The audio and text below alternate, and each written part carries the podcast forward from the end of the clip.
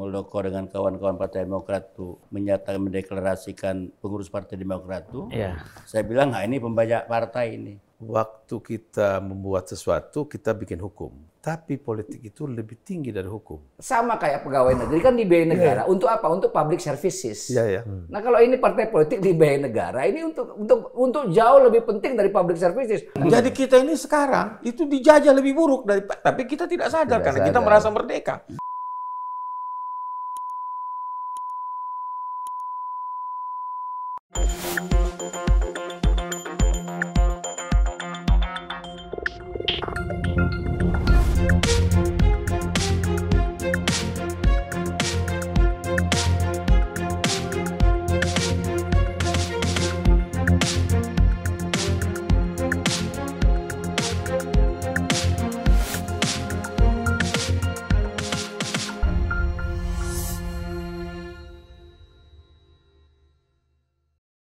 Assalamualaikum warahmatullahi wabarakatuh. Assalamualaikum. Apa kabar, Bang Bursa, Baik, baik. Zarnubi, Nah, puasa kita aman sekarang. ya, Ican Lolemba, Siap. Ucok eh. Sinulingga. Iya, Bang Julban, selamat sore. Andi Haryanto. Eh? Andi, Andi Haryanto. Cuman panggilan terkenalnya Uco. Ya, Ucok. Orang tahunya Ucok. Cok Golkar. Sejak dia relawan Anies ini, Uco Sinilungga. Dan apa? Caleg, cuman waktu caleg aja dia nggak berani pakai Ucok. Orang nggak kenal. Jadi kita ini mendatangi rumah Bang Bursa ya. Saya kira suasananya santai, suasananya rileks. Kita hanya bicara-bicara tentang suasana Ramadan. Ya, kalau lihat kopiahnya beliau kan memang terasa betul kita religius. Dan dia tiap hari ramai ini kita. dia kan di podcastnya juga pakai kopiah Iya, terus. betul. Ya, ya, ya. Iya kan? Kalau saya nonton selalu nggak pernah nggak pakai Iya, kopiah iya, kan khasnya. Ya. Dan kita lihat dalam bulan Ramadan ini kita berpikir suasana politik ini agak mereda ya, tapi justru semakin tinggi ya, Tambah gawat. tambah Jadi, gawat. jadi tadinya kita mau bicara puasa politik, jadi berbeda. Jadi Politik puasa. politik di dari bulan puasa. Ini saya kira yang paling menarik salah satunya ya eh, Muldoko ini kan. Oh, Ah, ini kan dia dia mengajukan lagi PK ya waduh. ke Mahkamah Agung nih. Ini bagaimana pandangan Bang Bursa nih? Saya dulu beberapa bulan lalu ya, setahun lalu mungkin ya. Hmm. Jadi waktu siapa itu Muldoko dengan kawan-kawan Partai Demokrat tuh menyatakan mendeklarasikan pengurus Partai Demokrat tuh, Iya. saya bilang, nah ini pembajak partai ini. Ah, Kan itu nggak benar gitu. Partai yang orang dibangun orang, tiba-tiba ngumpul 10 orang bikin partai mengambil alih. Itu kan pelanggaran demokrasi. ya. Jadi saya ngomongkan ini presiden mesti bertanggung jawab dong. Masa anak buahnya kepala KSP dibiarkan melakukan hal-hal seperti itu gitu loh. Ya waktu itu. Ya, ya. Nah sekarang saya tadi saya lihat PK kan kemarin tuh ya PK. PK lagi gitu. Dan PK ini menjelang deklarasi Pilpres. Anies lagi. Iya, mau mengganggu. Sudahlah, maksud saya itu kita ini lembaga demokrasi kita udah harus dipastikan tuntas ya pasca reformasi ini jangan diganggu oleh eh, nafsu-nafsu kita nggak mau berkeringat gitu. Pak Muldoko itu kan jenderal bintang 4. Bikin aja partai. Kira perlu undang saya gitu. Kita bikin partai sama-sama. Ya. ya kan? Ajak Uco, ajak Ican. Aku mau aku kalau Ya, supaya demokrasinya juga sehat ya. sehat. Betul. Apalagi dia ini kan sebagai KSP ya. Ya, Kepala KSP. KSP tentu kan orang berpikir bahwa ini kok ada urusan apa ini orang istana. KSP ini dekat sama presiden loh. Oh iya, kepala staf presiden Kepala namanya. staf kan? Ya. Masa presiden nggak tahu dibiarin gitu loh. Apa Tapi, demo- tapi demokrasi katanya Bang. Ya itu dem- Kata masa demokrasi Jokowi cara demokrasi. menjelaskannya begitu. Kan selalu begitu kan demokrasi. Nggak bisa. Demokrasi itu nggak boleh merampas merampas orang lain. Ya, Bang udah berkeringat lah bikin partai gitu loh. Justru demokrasi itu menghindari perampasan kan? Nah, betul itu. Iya kan? Ini perampasan. Nah, Enggak, kalaupun saling rebut, rebut dalam tata cara. Kan demokrasi itu bukan atur orang bergiliran atau berkompetisi. Ya kompetisi misalnya orang dalam Untuk kan. mengelola ya, kegiatan publik. bikin munas gitu. Jangan nggak ada mus tiba-tiba deklarasi saya ketua umum partai di Demokrat. Benar. Nah, itu maksud saya. dan jangan dipotong sejarah politik demokrasi kita dengan cara-cara kurang beradab lah ya. Bisa saja kita juga memang belum tentu cocok sama AHY kan Iya, kita belum cocok. belum cocok sama SBY. Tapi kalau cara-cara seperti itu dilakukan kan nggak sehat. Nggak sehat. Sangat nggak sehat. Nah jadi ada kekhawatiran-kekhawatiran yang kita lihat yang dilakukan oleh Muldoko ini Bisa dilakukan juga oleh orang ya lain. ini bisa melebar ke mana-mana. Bisa gitu. terhadap partai lain. Ya. Tapi saya punya catatan khusus tentang melibatkan hukum dalam politik. Jadi bukan hanya bukan hanya dalam kasus ini banyak kasus, Banyak kasus, partainya Pak Ucok juga. Wah, udah pengalaman. Ya, kenyang. dulu. Ya, Kalau Golkar sudah kenyang ngadapin Ya. situasi begini. nggak maksudnya begini. Misalnya ada orang ingin menjadi ketua umum partai dan dia berjalan ke mana-mana berkampanye terus menjelang musyawarah nasional misalnya orang-orang partai tingkat dua kabupaten kota provinsi tanda tangan bikin traktat begitu juga dulu ada ribut-ribut beberapa bulan lalu antara Pak Anies dengan Pak Sandi Pak siapa lagi Eh, Erwin gitu soal tanda Oh, tangan iya, tanda iya. tangan sebelumnya lagi ada Politik. traktat apa namanya, Membayar-bayar batu itu. tulis batu tulis yang Iya, iya. Megawati. yang akhirnya Megawati dengan Prabowo. Poin saya begini, politik itu kan tidak sama dengan hukum. Iya. Hukum itu waktu kita membuat sesuatu kita bikin hukum. Tapi politik itu lebih tinggi dari hukum. Ya. Oke? Karena politik itu memilih orang untuk bekerja membuat hukum. Hmm. Apa itu? Lewat pemilu, lewat perundingan-perundingan. Lewat legislasi lah. Jadi kalau kita turunkan ke bawah, ini kan seperti perundingan dagang. Pertanyaan saya sederhana. Waktu itu kalau tidak salah dengan Bang Zulfan di satu acara yang lain gitu. Pertanyaannya adalah kalau kita saya ber- berkontrak dengan Pak Ucok ini dalam hal politik, dukung saya atau saya dukung dia atau tanda tangan. Kalau kita tidak ti- tidak apa namanya tidak penuhi, di mana pengadilannya? Oh, pengadilan tipikor. Pengadilan apa? Jadi yang mau saya katakan sebenarnya termasuk kemarin eh, apa ada upaya untuk eh, mengganggu pemilu lewat pengadilan. Intinya begini. Hukum itu satu hal. Politik atau demokrasi hal yang lain. Tentu mereka tidak bisa dipisahkan seperti rumah yang berjauhan, tetapi prakteknya berbeda. Jadi saya bersetuju dengan Bang Sulfan, saya akan dukung menjadi ketua atau gubernur apa.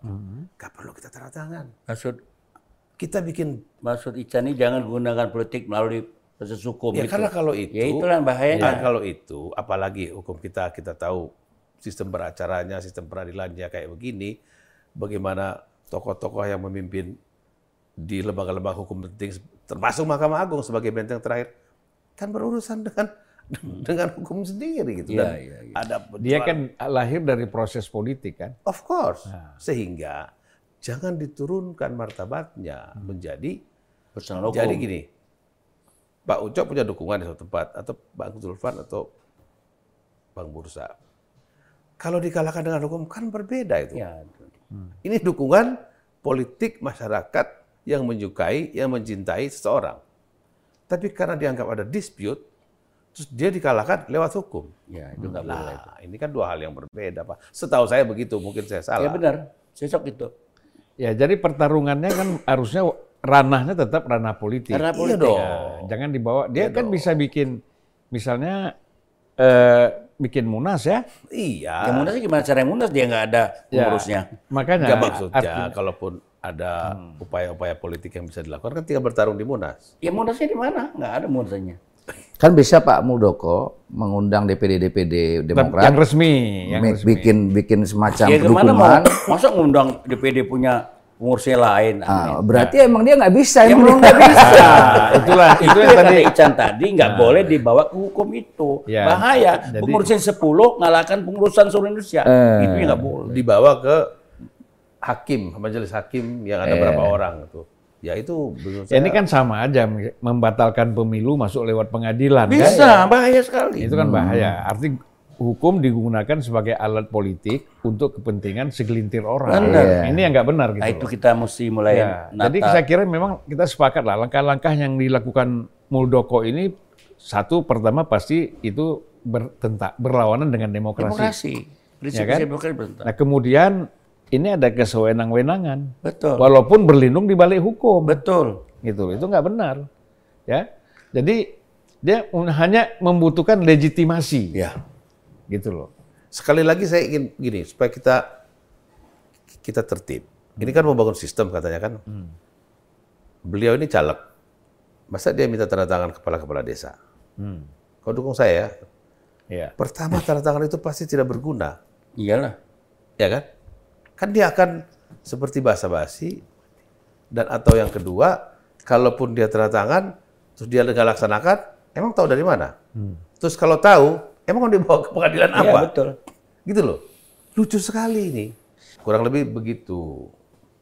Supaya kita membangun kultur politik itu dengan cara-cara yang benar. Kalau hanya begitu dan kita tahu hukum kita itu hukum yang mahal, entah kenapa jadi mahal, maka yang akan menang selalu orang yang punya uang daripada orang yang punya masa Iya. atau ada Yang- orang punya gagasan. punya kekuasaan juga. Of course, punya kekuasaan, punya sumber uang dan sebagainya. Dan tadi pula ya kita ini mesti berhenti balas-balas dendam tuh. Nanti kan kekuasaan kan bisa berubah, Ya. berputar. Gimana kalau yang yang dizolim itu berkuasa nanti? Masa dibalas lagi? Lebih kasar lagi misalnya. Jadi kita mungkin Dan Bagaimana? Ini kita ini ngobrol begini di antara kita semua, kita ber- berempat ini yang masih punya kartu politik aktif cuma beliau. Kita Iya. ini. eh, kita enggak. ya. Jadi bagaimana? Jadi bagaimana lihat kemarin ini soal koalisi besar ini. Jadi kan sudah ada KIB, kemudian ada lagi satu koalisi kir. Indonesia Raya ya. Indonesia Raya kir. Sekarang kan katanya koalisi kebangsaan. Lebih besar Ada lagi. dong satu koalisi perubahan untuk persatuan. Apa namanya? Iya ya, Hmm, perubahan KPP. Persatuan. Eh, dukung Anies. Kalau Ada koalisi tiga dong. persatuan perubahan. Enggak, ini kan kita bicara, ini kan bicara Golkar nih. Hmm. Ya kan? Golkar tadi kan KIB. Iya. Terus gabung sama Indonesia Raya. Iya, maunya. Ya. Lagi Maunya. Ya, artinya kan kalau Prabowo mengatakan kayak seperti mantap itu kan. Ya kalau Prabowo pasti mantap kalau ikut dia kan. Nah, mendukung dia Ah, jadi calon. mendu- Mendukung dia jadi calon kan, pasti mantap. Jadi banyak kan, jadi dari dua jadi lima kan. Lima. Jadi Gerindra dan PKB tambah tiga partai PAN, Golkar, dan P3 kan. Tentu kan itu Yang- kuat sekali itu. kuning, hijau, biru itu ya. Ya, Ya. masalahnya kalau kita lihat soliditasnya seperti apa ini. Ini masa ad- persoalannya presiden hadir kan di dalam pertemuan lima partai ini. Kalau saya bang yang ngelihatnya ya kayak kemarin tuh semua berharapan tuh yang ada di situ semua itu, itu kan semua adalah kelompok yang berharap dapat endorsement Pak Jokowi. Ya. Nah dan Pak Jokowi kan tahu itu, dia kan dia Pak Jokowi ayun-ayun aja. Makanya kalau kita dengar pidato Pak Jokowi pada waktu itu, ah, kan dia sampaikan juga secara verbal dia sampaikan. Karena kalau soal capres itu urusan partai politik, masa urusan presiden tuh. Ya. Walaupun saya tahu kata Pak Jokowi bahwa banyak partai-partai ini kalau APC nunggu restu Pak Presiden, ini urusannya apa? Dia sendiri yang mengatakan itu itu. Ya, ya, ya, ya. Jadi Pak Jokowi itu mengatakan itu, tapi tindakannya melegitimasi eh, gerakan partai-partai yang mengharapkan endorsement Pak Jokowi ini. Kan yang ambivalen di situ itu Bang tuh. Nah, menurut saya, nah ini juga nggak sehat menurut saya. Memang kesehatan. Ah, jadi dari secara politik eh, demokrasi membangun Indonesia misalnya yang jauh lebih baik gitu ya. Menurut saya ini justru nggak sehat. Eh, di satu sisi Pak Jokowi menurut menurut saya nih bang secara pribadi dia eh, dengan segala plus dan minusnya pasti banyak bagusnya, pasti juga banyak kurangnya. Jadi dia selesaikan aja nih masa perjalanannya ini. Ya, ini betul. Dia nggak usah ikut pada agenda partai-partai yang memang mau melangkah ke depan. Ya. Kalau ini partai-partai yang seret-seret, Nah kan ini yang Pak Jokowi tahu. Karena diseret-seret, dia tahu bahwa bahwa dia punya value, dia ayun aja ini barang nih semua di permainan nih. Sehingga jadilah pembicaraan-pembicaraan di ruang publik koalisi partai besar gitu, apa koalisi besar gitu. Yang habis mereka ngomong sekarang, Pak Prabowo ngomong, Pak Muhaimin ngomong, Pak Erlangga ngomong. Ya besoknya jajaran di bawahnya ngomong beda lagi itu. Iya, iya. Nah beda lagi itu itu artinya apa? Belum sampai bawah pun masih di atas juga udah beda. Nah. Nah, satu hal bang yang paling penting yang menurut saya pengalaman saya di partai itu yang dikenal orang dengan apa istilahnya secara akademis itu apa split ticket voting. Keputusan partai itu tidak berbanding lurus dengan preferensi di bawah. Ya. Satu. Yang kedua, di partai itu itu sebenarnya keputusan ketua umumnya atau keputusan pak- partai. Iya. Makanya gini, saya sekali berkali bilang Dewan Pimpinan Pusat Partai ABC Partai Golkar katakanlah kata saya itu ya kan. Jadi kan ketua umum itu adalah ya seperti chairman di Dewan Perwakilan Rakyat aja. Jadi dia mengatur semua. Nah, memang dewan tuh. Makanya kalau di Golkar tuh jelas tuh dibikin tuh Bang di pasal 19 tuh. Kepemimpinan Dewan Peng- Dew- Kepemimpinan Partai Golkar bersifat kolektif. Jelas itu. Jadi itu dipagari dengan itu. Nah, Tapi itu kan cuma Golkar aja, yang lain nggak ada itu. Nah justru di situ yang masuk saya adalah baga- apakah kebijakan yang disampaikan ketua umum ketua umum partai itu itu kebijakan partainya apa kebijakan ketua umumnya gitu loh Pribadi. ah, ke pribadi sehingga yang ditawarkan itu kolektif atau individual mengatasnamakan institusi nah itu yang menurut saya juga nggak sehat tuh jadi enak kali ketua umum jalan ke mana-mana suka-suka Tapi kan dia begini, kalau kita bicara partai politik kan kalau Megawati, eh, kalau kalau PDIP kan pasti itu sudah diserahkan kepada ketua umum kan? keputusan munas kongresnya Ya, kemudian Gerindra juga seperti itu. Lalu eh, Demokrat Partai abang dulu? Ya Nas- sama Nasdem juga. Nasdem juga seperti itu. diserahkan Jadi saya lihat yang memang betul-betul go public, yang betul-betul keputusan kolektif itu hanya Golkar. Iya, iya. Dan PKS dong. PKS kan, PKS kan ya, tapi kan ada Dewan Suro. ya, tapi Ya. kan lebih dewan, tidak tunggal. Ya. More better. tetap Nah, ada representatif banyak orang ya Iya dong. Ya tapi tetap semuanya ketika kita ngobrol-ngobrol menunggu keputusan Dewan Suro. Dewan. Bukan tunggal. Majelis Suro bukan Ya, tapi itulah masalah kepartaian ketuanya. kita. Itulah ke- masalah kepartaian kita itu belum apa mencapai satu tujuan partai yang sebenarnya seperti di negara demokrasi ya. Negara demokrasi itu eh, setiap keputusan itu betul-betul kolektif ya. Jadi jarang timbul pertentangan internal di negara-negara demokrasi. Nah kita ini belum tuntas. Satu orang ketua partai bisa menentukan segala macam. Nah, ini di contoh Indonesia. Oleh karena itu reformasi partai politik penting sekali. Mulai Jadi dari Hmm. iya betul. Jadi kalau kita bicara perubahan ya. Kalau kita bicara misalnya seperti partai saya yang lama itu bicara restorasi misalnya. Tetapi kan di dalam eh, proses penggantian kepengurusan, terutama di provinsi, di kota dan kabupaten, itu nggak ada proses demokratis. Langsung di- yang namanya DPP, bahkan di sini bukan DPP, ketua umum memutuskan mengganti ketua Itu- Bali misalnya, Itu mengganti ketua Jawa Timur. partai, saya. Itu hanya keputusan ketua umum. Dan Bang orang yang eh tapi itu terjadi di beberapa partai yang lain. Iya. Ya itu kan yang tadi katanya Bursa bilang tuh nggak sehat gitu loh. Ya, Golkar makanya nggak bisa kayak gitu. Boleh ketua umum punya preferensi terhadap orang tertentu, mainlah dia. Tapi mekanismenya proses. itu Ya. harus tetap berjalan. Memang Golkar tetap it's the best ya. dalam- Jadi memang harus untuk memperbaiki demokrasi ini pertama reformasi partai politik, Ya. internalisasi partai politik. Jadi mendemokrasikan interpartai itu untuk mentransformasi secara kelembagaan. Itulah saya saya sebenarnya kalau tahu saya Bang ini bawa podcast tentang ini, sebenarnya saya mau bawa buku tulisan saya itu Bang tentang Golkar tuh. Di situ saya tulis tuh Bang tentang uh, in- uh, bentuk intervensi negara state ya, bukan pemerintah Iya. terhadap partai politik. Salah satunya adalah pembiayaan partai politik. Kemudian reformasi partai politik, dibentuk regulasi. Nah, jadi partai-partai kita ini, Bang, itu kan diikat oleh ADART itu. Nah, menurut saya ada sesuatu yang penting yang bisa diikat oleh undang-undang, Bang. Iya, Ah, misalnya termasuk apa? itu. Eh, dana yang dikucurkan tuh. Hmm. Maksud saya gini, dana ini berkaitan sama apa? Budaya accountability sejak dini, Bang. Jadi karena sudah dimasukkan dana pemerintah di situ, Sudah publik, publik. maka kegiatan-kegiatan partai seribu rupiah itu harus jelas pertanggungjawabannya, Bang. Iya. Sehingga partai sejak dini itu terpercaya ter- ter- terbentuk kultur eh, akuntabel, Bang. Hari ini Abang coba bayangkan misalnya. Abang boleh, dan saya kira sama semua partai, di Golkar, di Nasdem, di mana-mana gitu ya misalnya. Kalau ada kegiatan misalnya, Rapimnas, pertanyaan muncul, dari mana uangnya? Ya. Satu. Yang kedua, itu kepala-kepala seksi, kepala bidang, ketua bidang itu penggunaan uangnya lapornya gimana? Kan kedip-kedip mata aja mereka itu. Iya, iya. iya. Jadi sebenarnya Bang, perilaku korupsi kecil kebetulan karena anggarannya kecil tuh. Itu sudah terjadi menjadi kultur partai karena sistemnya itu membentuk perilaku itu tuh. Itu yang kata pas kemarin saya di mana dengar istilah saya setuju dengan Bang Yusril itu. Jadi kalau sistemnya kuat, ketat, yang jahat pun ikut baik dia. Tapi kalau sistemnya buruk, yang baik tadi jadi jahat dia. Jadi orang-orang yang nggak mau ikut sama irama kayak begini itu dianggap aneh bang tuh. Nah itu saya bilang itu masukkan eh, dana partai di situ. Dulu almarhum Cahyokumolo mengatakan 10 triliun kecil tuh, nggak sampai 5% dari APBN kita. Nah, tapi kan di di trace oleh BP, BPK itu penggunaannya macam-macam diperiksa di audit macam-macam. Ya langsung karena dia harus Langsung karena bukan dana negara. akuntansi negara. Nah yang kedua, pengurusnya juga bisa diatur oleh part- oleh undang-undang, bang. Jadi pengurus partai itu nggak perlu banyak-banyak tuh.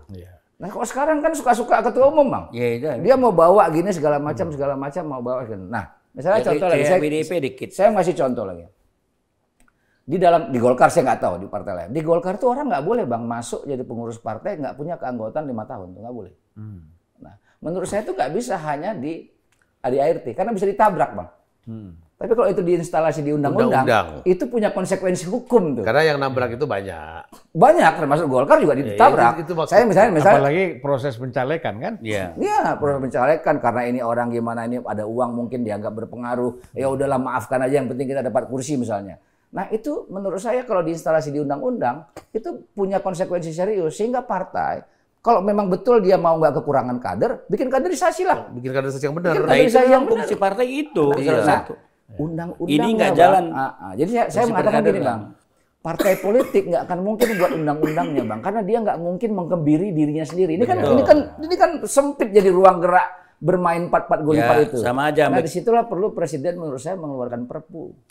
Saya mau bikin tamsil soal ini. Jadi gini, politik kita kan sudah kita anggap maju dan demokratisasi setelah jatuhnya kepemimpinan kuat Pak Harto dan dulu Pak Karno membuat politik jadi milik semua orang.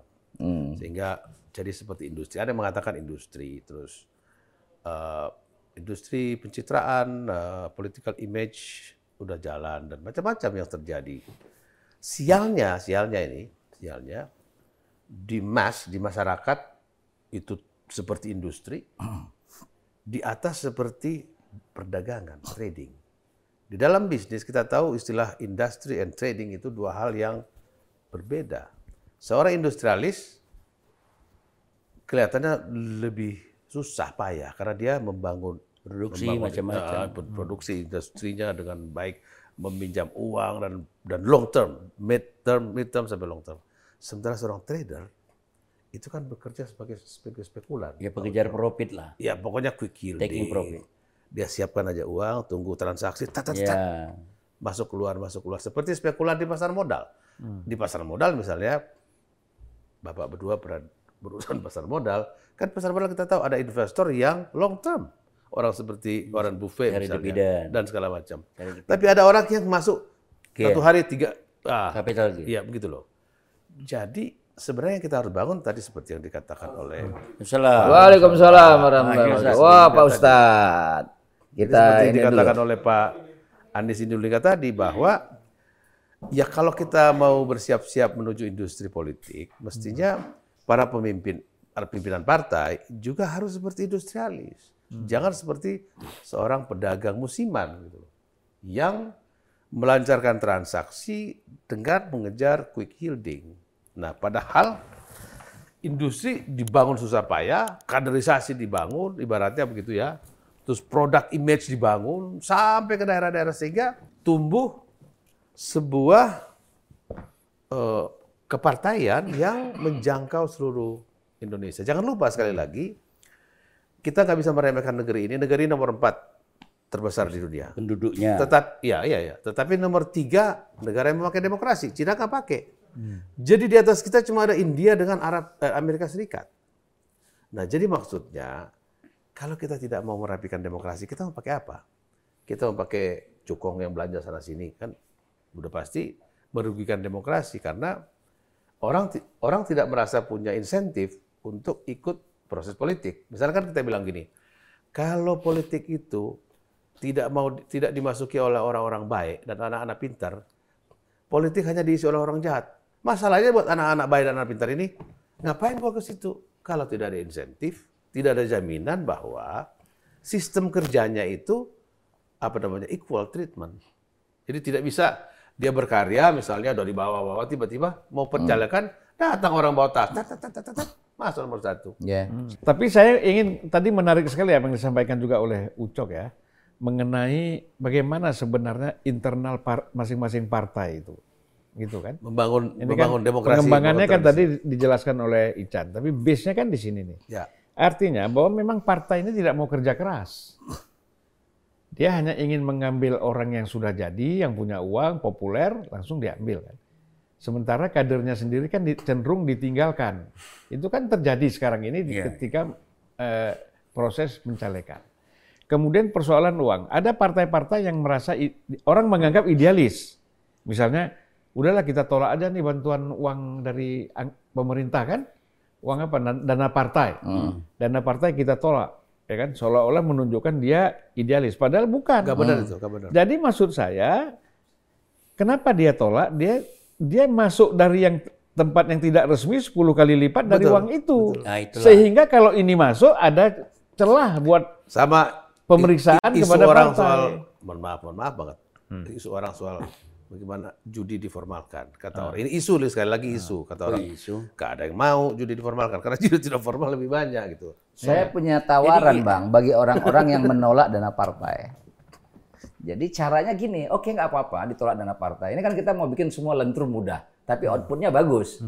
Seluruh kegiatan Anda, Anda harus pertanggungjawabkan sumber dananya dari mana. ya. Jadi tugas partai itu harus mempertanggungjawabkan kegiatannya, berapa uang yang dia keluarkan dan sumber dananya dari mana. Kalau dia tidak bisa buktikan sumber dananya, maka dikasih punishment terhadap partai itu. Semacam pembuktian Nah, terbalik. itu undang-undangnya belum ada. Nah, itulah yang menurut saya Jadi bang gini, semua. partai kita memang inkonsisten ya. Dia nggak mau nerima uang negara, tapi dia bisnis semeraut lah. Ya. Cari jalan yang kurang halal. Kalau di Malaysia kan disahkan bisnis. Ada accountability, pertanggung jawab, laporan. Boleh tuh no bisnis, boleh partai lain bisnis. Tapi jelas auditnya dijelas. Ya. Nah kita jelas, Artinya sumber bisnisnya kan jelas. jelas. ya. Walaupun masih juga ada belum pas betul ya. Tapi kita mestinya harus mau dibiayai negara supaya diaudit oleh lembaga resmi. Kalau di sini kan kecenderungannya partai itu Sebentar bang. Tapi akhirnya semua orang uang haram diambil oleh partai politik. Dan lebih besar dari yang bakal disiapkan negara. Itu kita tidak konsisten, tuh, inkonsistensi itu. Misalnya begini, undang-undang perampasan aset segala ini. DPR pasti nolak. Ya. Ya ngapain? Kan ini lapangannya. Kita jujur aja ngomongnya.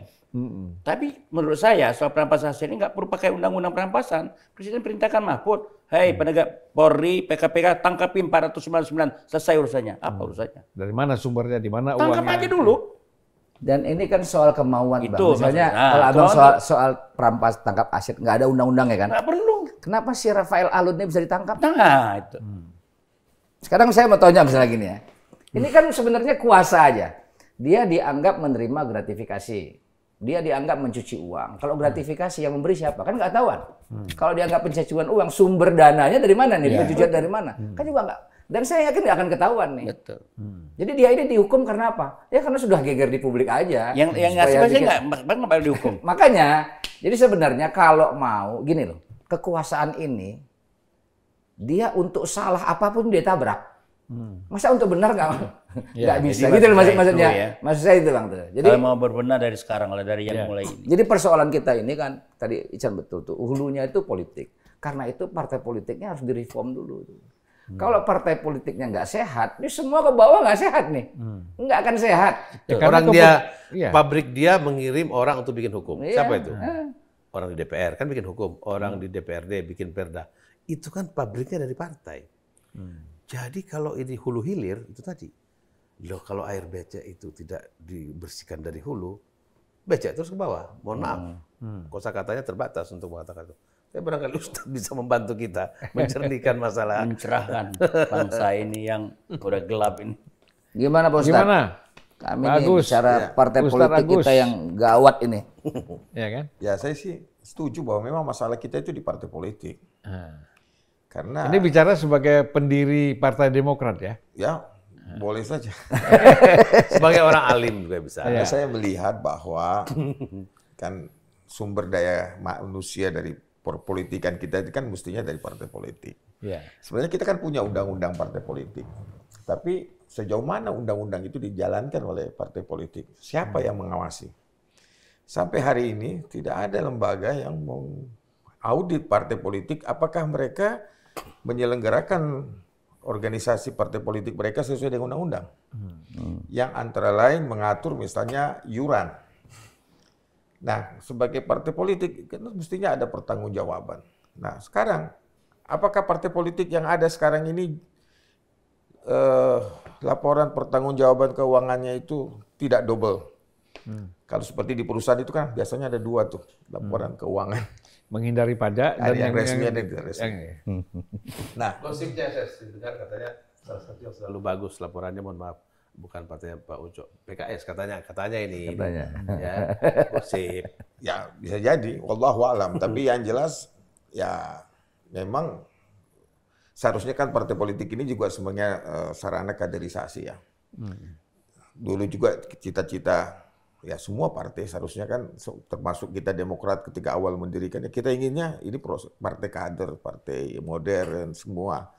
Tapi kenyataannya kan tidak jalan, tidak ada kaderisasi, di Demokrat tidak ada. kaderisasi dong Hah? kan sekarang muda ini ya ya tidak dulu sempat saya eh, bersitegang dengan ketua umum karena dia menganggap pelatihan-pelatihan biasa atau seminar biasa itu sebagai kaderisasi. Akhirnya kita setuju buat kaderisasi, tapi itu hanya berlangsung waktu itu hanya sekali.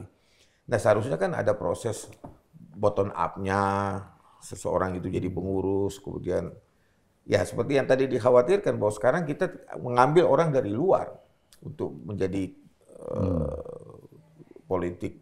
Ya karena kita melihat oh dia orang populer. Karena yang kita lihat popularitasnya. Kita tidak melihat lagi jasa-jasanya untuk partai atau Ya, sistem merit tidak tidak terapkan karena kalau kita mau paksakan orang kita belum tentu naik belum tentu sukses Ya. jadi akhirnya kita uh, memberi kesempatan. Dulu sebenarnya saya sem- sempat mengusulkan bahwa sistem misalnya uh, proporsional terbuka itu tidak seterbuka seperti sekarang. Jadi tetap bersyarat. Waktu itu saya usulkan, kemudian Demokrat setuju bawa ke DPR, tapi DPR nolak waktu itu. Akhirnya kita Sistem menerapkan campuran ya? internal. sistem campuran Akhirnya menerapkan internal. Saya sempat kita saya ketemu langsung Pak SBY, SBY mengatakan Ustaz kita sudah perjuangkan tapi kita kalah. Ya, kita terima ditolak saja. oleh partai partai Ucok juga ya Hmm? ditolak oleh partai Ucok Ya, semua partai, hampir semua partai besar pada waktu itu menolak. PBR Usulan- Usulnya juga mix ya, mix. Ah, Kalau saya usulannya tidak serta merta orang itu harus ikut eh, Caleg. terbuka. Jadi terbuka itu hanya apabila orang itu memenuhi eh, perolehan jumlah tertentu, misalnya 20% atau 30%, baru dia. Jadi jangan selisih 2-3 orang kader kita tersingkir hanya karena orang Iya, lain. iya, iya. Sebenarnya kan itu dulu udah itu usul. kita. BPP 30 persen. Ya, jadi ada minimal dulu. Kalau orang itu mencapai minimal, maka dia dapat terbuka. Sekarang udah nggak gitu ya. Beda dua, ada. Beda dua satu suara, suara. aja.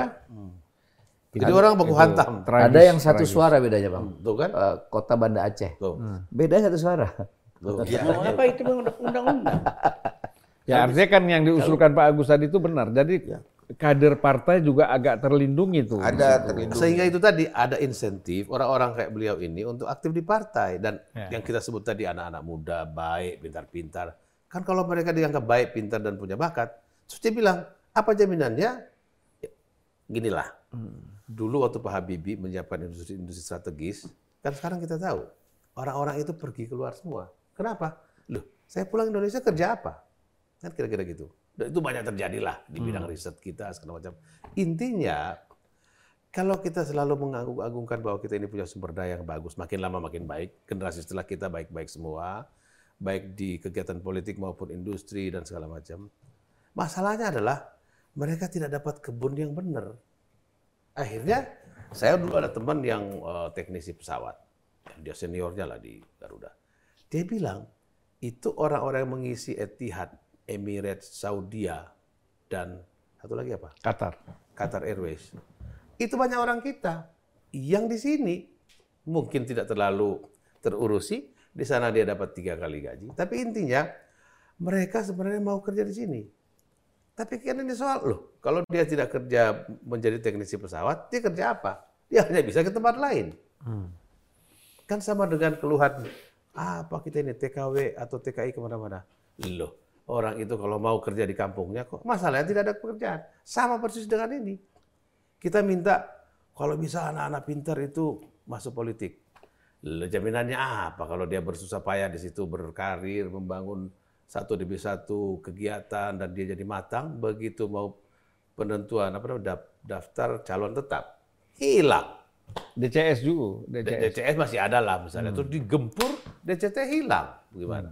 Atau Ya, ada nomornya makanya udah tadi- melorot. Makanya penting sekali partai itu biaya negara. Jadi partai bisa menentukan perkaderan. Kalau itu, itu kalau itu clear, Kader kalau itu terbaik clear. bisa ditempatkan yang tempat yang Ini yang baik. tadi disampaikan. Jangan karena punya modal tiba ngalahkan kader yang sudah Betul. mapan. Yang mungkin matang. yang mungkin tadi dieksplor dan disampaikan oleh Pak Uco dan diteruskan oleh Ustadz Agus.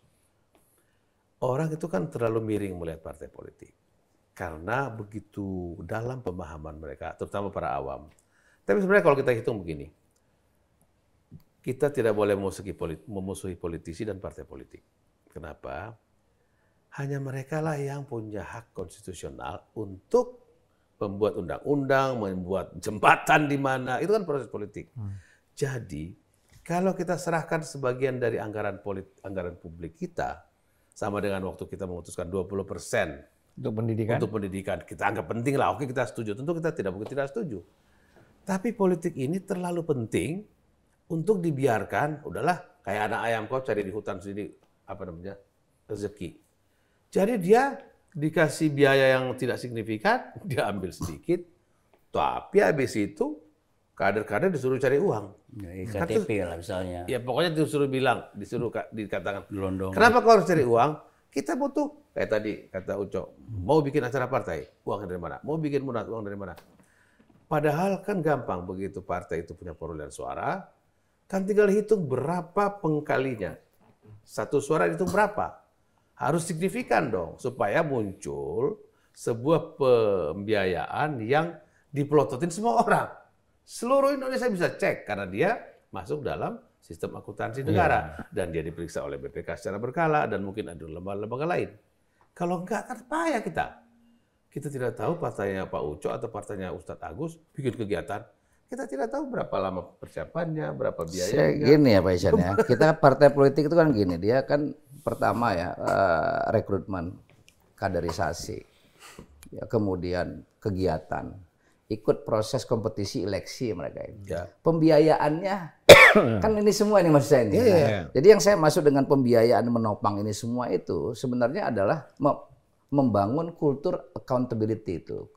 Jangan sampai partai membangun kultur korup tuh. Dia kan nanti mau taruh orang di eksekutif, di legislatif. Jadi sementara dia sendiri sudah menjadi pabrikan perilaku korup tuh. iya. Itu tuh yang lebih mahal menurut saya tuh. Dan semua kader-kadernya yang mempunyai jabatan itu dikasih target kan? Iya, di situ. Jadi semua yang punya termasuk pengurus tuh, pengurus-pengurus tuh itu bisa dibiayai negara. Jadi dia betul-betul jadi pekerja Bang politik itu di situ. Nah, karena dia dibiayai negara untuk yang kayak gitu kayak gitu accountability-nya harus dia pertanggungjawabkan.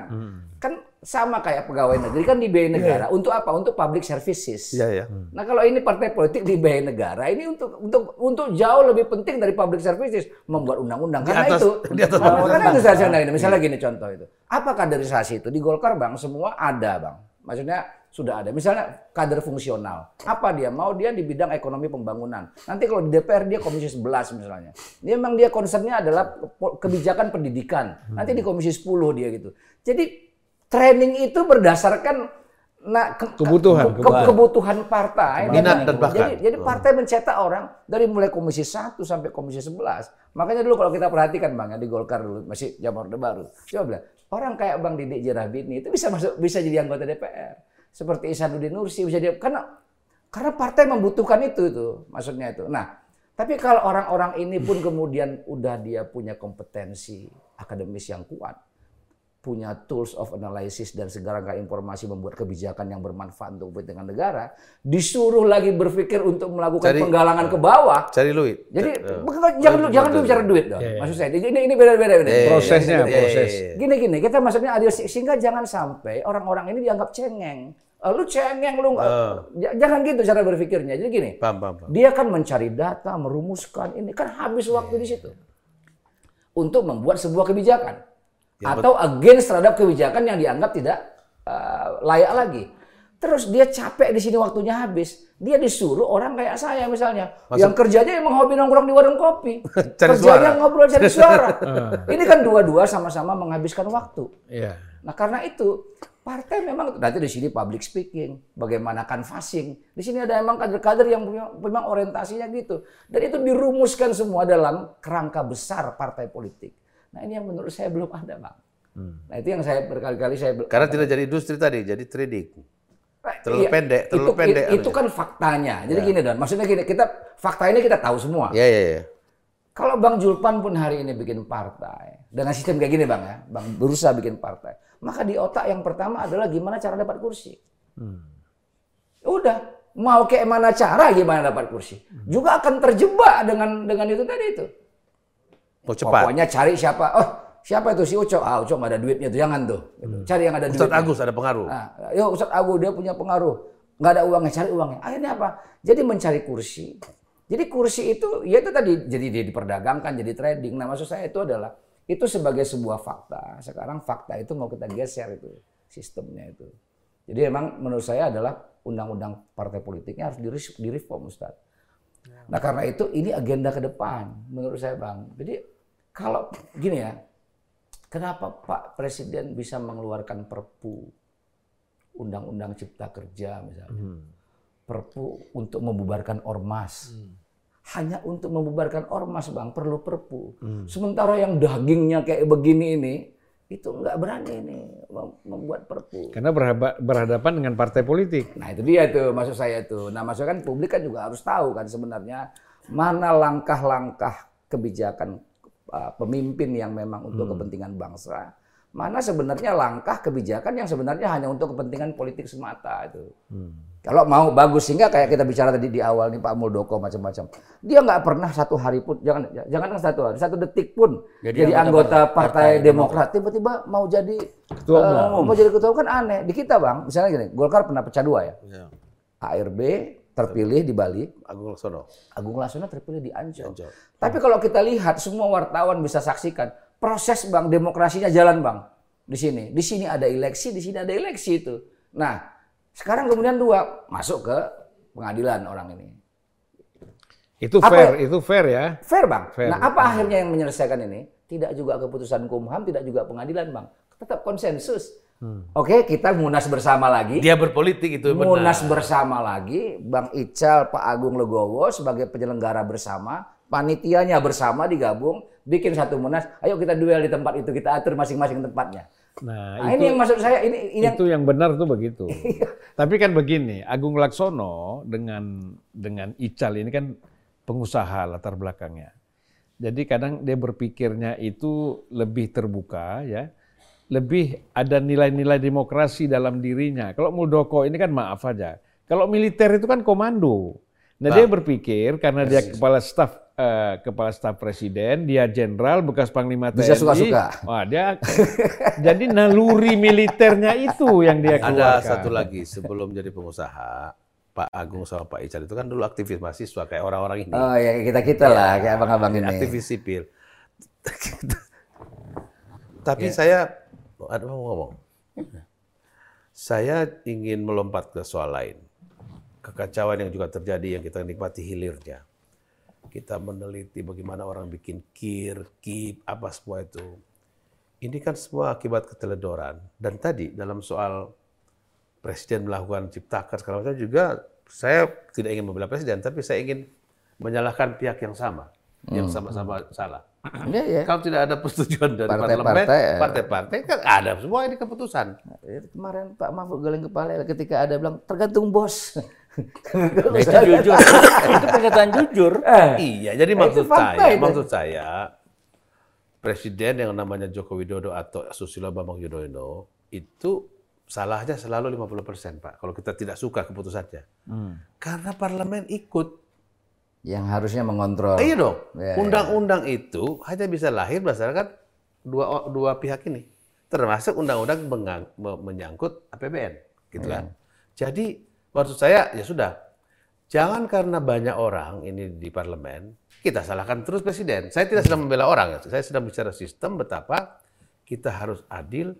Kita boleh marah presiden, masa kita tidak marah orang ratusan orang itu yang yang plat nomornya sekarang udah makin makin Presiden dan kawan-kawan. Iyalah, di parlemen lah. Iya, yang kedua, yang kedua ini Pak Bursa, soal threshold. Kita memang ingin sekali membuat partai politik ramping, jumlah partai politik ramping. Tapi nggak usah pakai cara yang terlalu keras.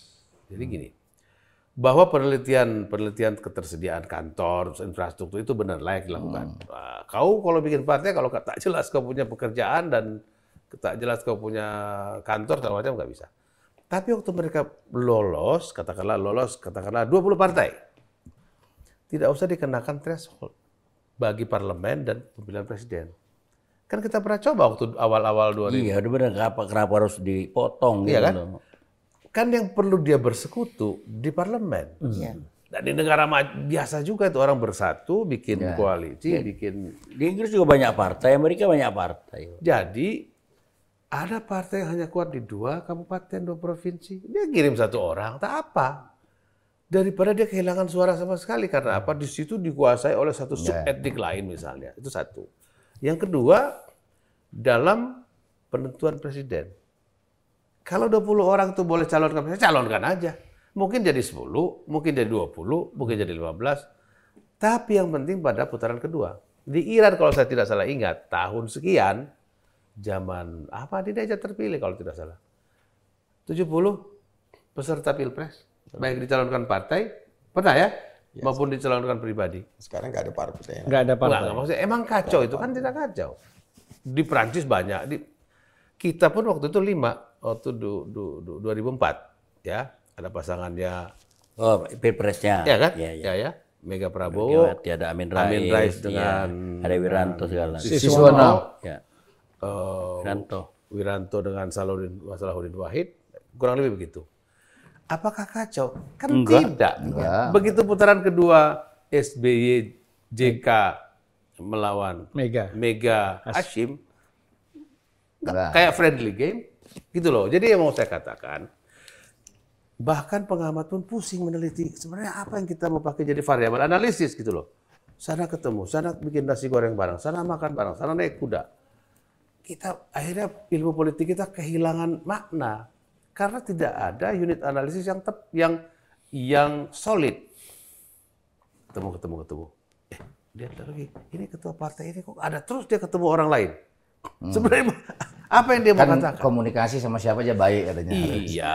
Tapi kalau saya melihat gini, Chan ya, nanti mungkin Tapi ditambah- kan itu kan ditambahin. hanya mencari rumusan 20% tadi. Yang, mohon maaf, saya tidak boleh pakai kata bodoh. Yang anehnya begini.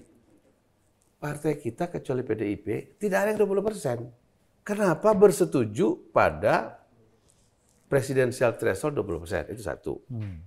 Kedua, itu kan out of nowhere. Apa apa alasannya? Kalau saya begini aja, kalau tidak mau bikin 0%, bikin misalnya 2% deh. Oke? Nggak usah harus 0%. Nol. Jadi parlemen sama presidensial uh, Harus kita nol. buka dulu ruang. Habis itu ada kompetisinya kan? Kan pasti ada yang kalah, ada yang cuma dua apa putaran kedua, ada yang masuk putaran kedua. Itu sangat biasa. Jadi tidak tidak perlu lagi, aduh bagaimana ini? Dua tahun loh, publik ini disuguhi adegan drama yang anu dari drama Korea. Ke sana ke sana, ke sana. Kita ini gini ya, kita ini nggak ada lembaga riset ya yang hadir pada hari ini.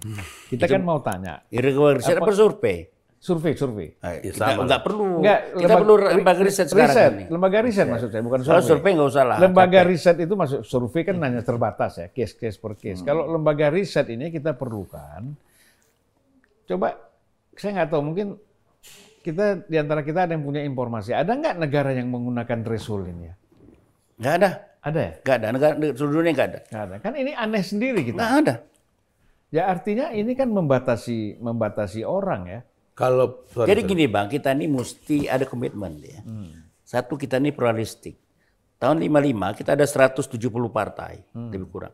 Biasa-biasa Biasa aja, aja. normal. Ribut. Karena untuk menampung berbagai aliran, aspirasi kelompok masyarakat. Itulah partai politik didirikan kan, Ya. berkumpul bercita-cita untuk mewujudkan kesejahteraan bangsa. Partai didirikan. Sejarah kita sudah membuktikan 55 nggak ada masalah. Nggak ada. Itu lebih keras dulu tuh kan main ideologi Iya. kan, aman. Pemilu reformasi aman, aman nggak ada salah. Kenapa harus ada threshold? 48 partai kita. Tahun Pernah apa? 99. Iya, Ah, biasa aja. aman biasa. Nah, Saya waktu saya, itu ikut dalam ini memang tim membantu KPU, nggak ada komitmen bangsa ini untuk melihara kemajemukan. Memang ada sekelompok orang untuk memegang peranan politik besar bangsa ini untuk menguasai sumber daya macam-macam. Akhirnya yang kecil-kecil dibunuhin. Ini yang saya nggak setuju. Misalnya di Amerika tuh ada belasan partai, tapi ya unggul dua. Iya. Demokrat. Inggris tuh belasannya ya unggul buruh sama Rusia partai. juga begitu. Iya, konservatif. Di Rusia hampir tiap pemilu orang bikin partai banyak. Gini, Iya. Di Amerika- orang lupa bahwa Soeharto waktu, waktu kuat-kuatnya berusaha menyederhanakan partai dengan paksa. Oke? Hasilnya apa? Kan sebentar aja. Begitu kendali kekuasaan yang dia pegang terbuka, prak!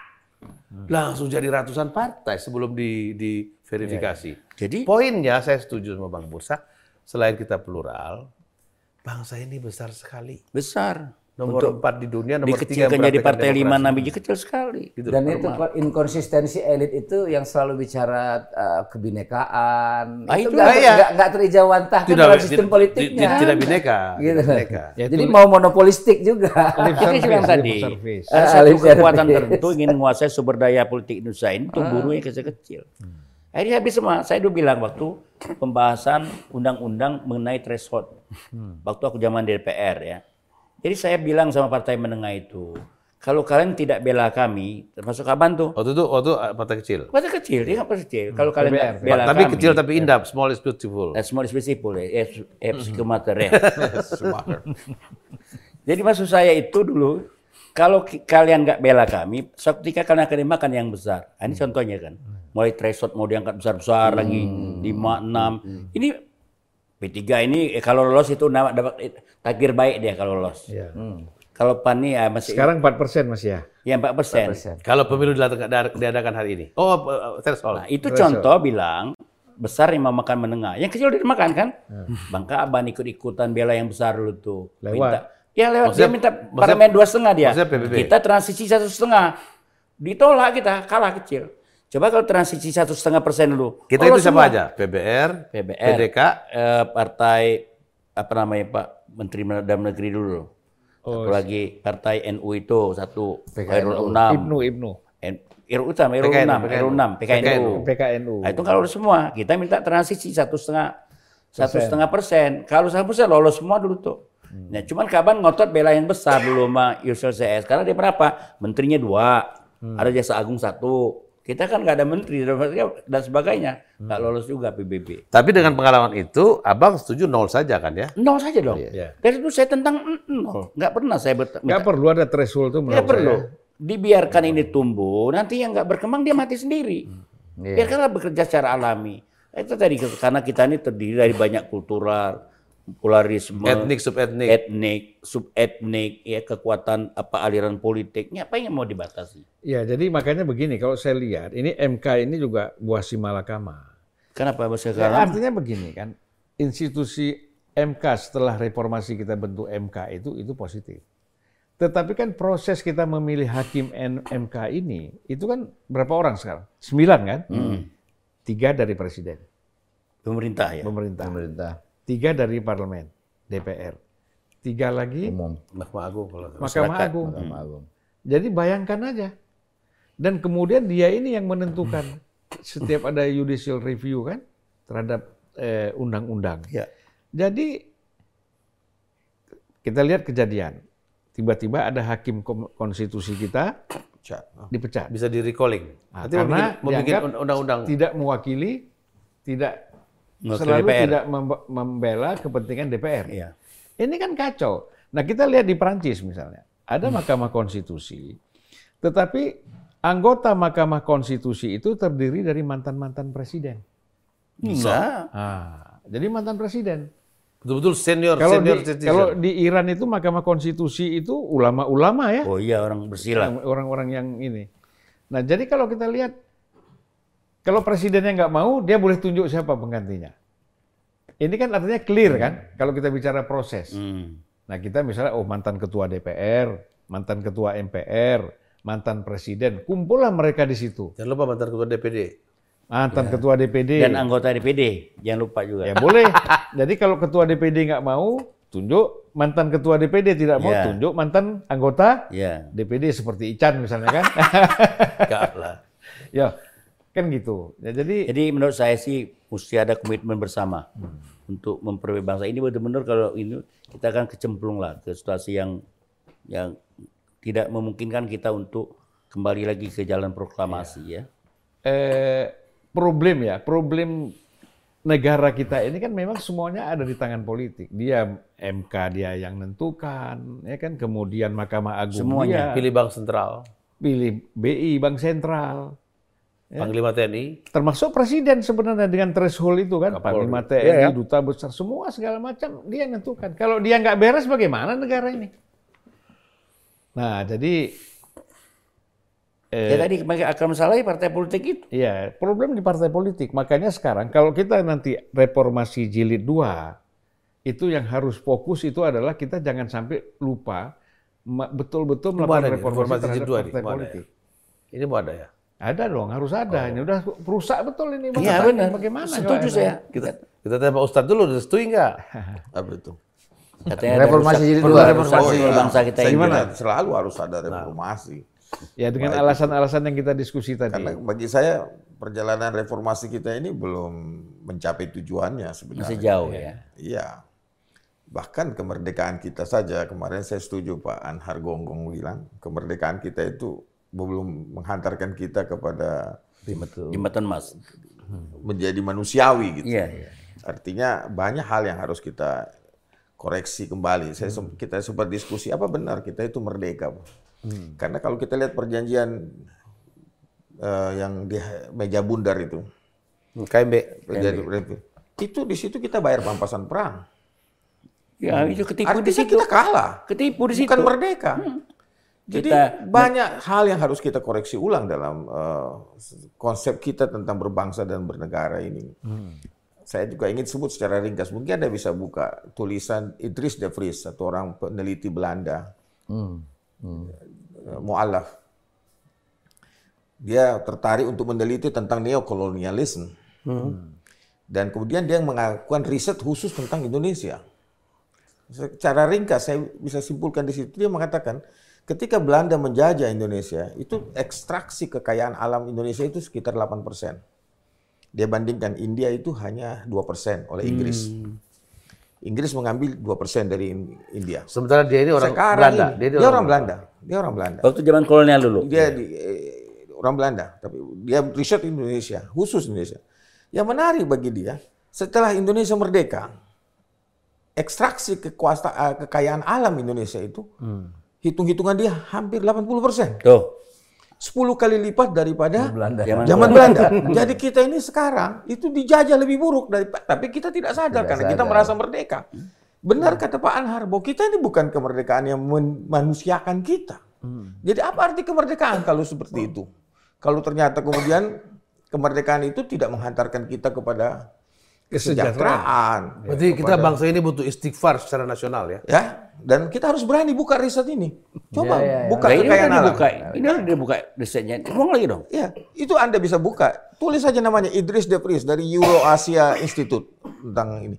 Jadi menarik bahwa kita perlu mengevaluasi ulang, termasuk sistem politik kita. Apakah tidak bahwa sistem politik kita ini masih perpanjangan tangan dari kolonialisme sebenarnya? Ya itu tadi kan kita neokolonialisme. Neokolonialisme dalam bentuk oligark kan. dan kekuasaan Ya. kekuatan uang dari multinational corporation. WTO itu kan bagian daripada pelembagaan kolonial sebetulnya. Kalau kita mau ikuti undang ini peraturannya. Itu kan WTO. Kalau nggak ikut WTO dianggap Ya. apa gitu. Ya, sama juga misalnya kalau kita di luar negeri, itu setiap pemilu orang pasti ribut Begini aja misalnya. kebijakan pajak misalnya. Mana ada? Kalau kita nggak terima Israel ke Indonesia, kita keluar dari Iya. pipa, ya keluar aja. Ngapain? Emang Nggak ada keluarga kita juga nggak pernah maju-maju. Jadi salah satu contoh masalah pajak. Kalau kita mau jujur, apa pajak kita adil? Dengan semua kasus sekarang ini, kalau kita teliti lebih jauh, sistem pajak kita ini, ya apa yang dikatakan oleh eh, Kiyosaki, Rich Dad Poor Dad misalnya bukunya Robert terkenal. Kiyosaki. Robert Kiyosaki. Dia bilang dalam sistem pajak yang ada sekarang ini, orang kaya itu membayar pajak lebih sedikit dari orang miskin. Karena orang bayar pajak itu, pajak, orang kaya itu dia bayar pajak dengan perusahaannya, dia bisa restitusi dan lain-lain. Kalau orang miskin tidak ada restitusi. Dan Anda tidak mungkin mengurus restitusi. Baik, terima kasih Ustadz Agus, Wah. Ucok sebagai Bang. Makasih, tokoh politik Ustadz Golkar. juga sedikit-sedikit ini. Juru Ustadz bicara. Anies lah. Eh, juru bicara Anies ya. Ican dan Bang Bursa, Zarnubi, ya kita ketemu lagi di eh, Lain kesempatan. dari waktu yang akan datang, yang akan kita tentukan dengan topik yang mungkin akan lebih menarik lagi, Dan lebih dalam. lebih dalam. Terima kasih. Assalamualaikum warahmatullahi wabarakatuh. Waalaikumsalam warahmatullahi wabarakatuh.